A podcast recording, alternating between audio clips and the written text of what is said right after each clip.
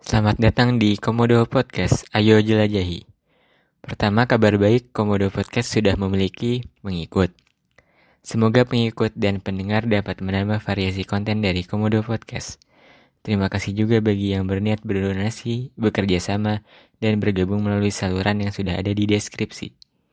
Tentu bagi pendengar baru di Spotify, kalian bisa menekan tombol follow atau mengikuti. Episode kali ini membahas mengenai hal yang dekat dengan budaya kita, yaitu batik. Jadi, batik itu termasuk pakaiankah, motifkah, atau ada artinya sendiri?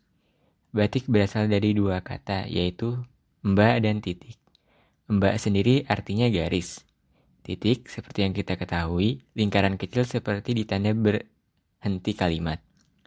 Berdasarkan tradisi di Indonesia, terjadi perdagangan kain maupun tekstil, dan kain-kain di Indonesia punya kekhasan sendiri dengan menambah corak garis dan titik. Lembaran polanya terlukis dengan lelehan cairan dengan alat sederhana besi dan gagang kayu. Tiap daerah punya batik khasnya sendiri, misalnya batik Jogja, Solo, dan sebagainya masing-masing punya warnanya yang khas. Menariknya, batik di Indonesia jadi memiliki nilai khasnya sendiri. Benda dengan tambahan batik maupun pakaian batik memiliki nilai ekonomi serta nilai budaya. Ekonomi berarti dapat dijual belikan, serta budaya menjadi kekhasan dalam acara tertentu.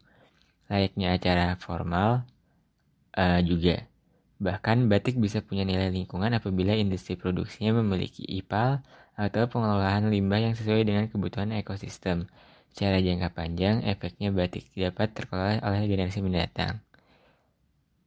Episode kali ini merupakan episode singkat dan untuk diskusi silahkan ceritakan sendiri pengalaman kalian menggunakan batik dalam acara-acara tertentu dalam dalam diskusi komunitas maupun uh, ketika um, kalian punya pertanyaan, bisa juga eh, tambahkan pertanyaan untuk podcast ini.